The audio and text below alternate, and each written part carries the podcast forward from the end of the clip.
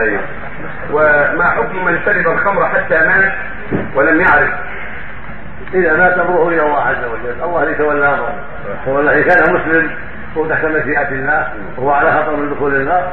وإن كان مات غير مسلم فأمره إلى النار.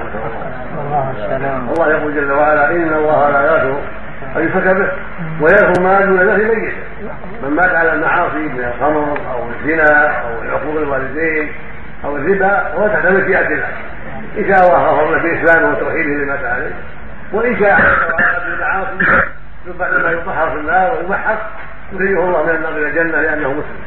أما من مات على غير الإسلام هذا إلى النار. اللي ما يصلي كافر على الصحيح. حتى ولو قال انها إنها واجبة. ما دام ما يصلي صحيح من أقوال العلماء المحققين أنه يكفر بذلك. لأن الرسول عليه السلام قال العهد الذي بيننا وبينهم الصلاة فمن تركها فقد كفر. وقال عليه الصلاة والسلام بين الرجل وبين الكفر والشرك ترك الصلاه نسأل الله العافية.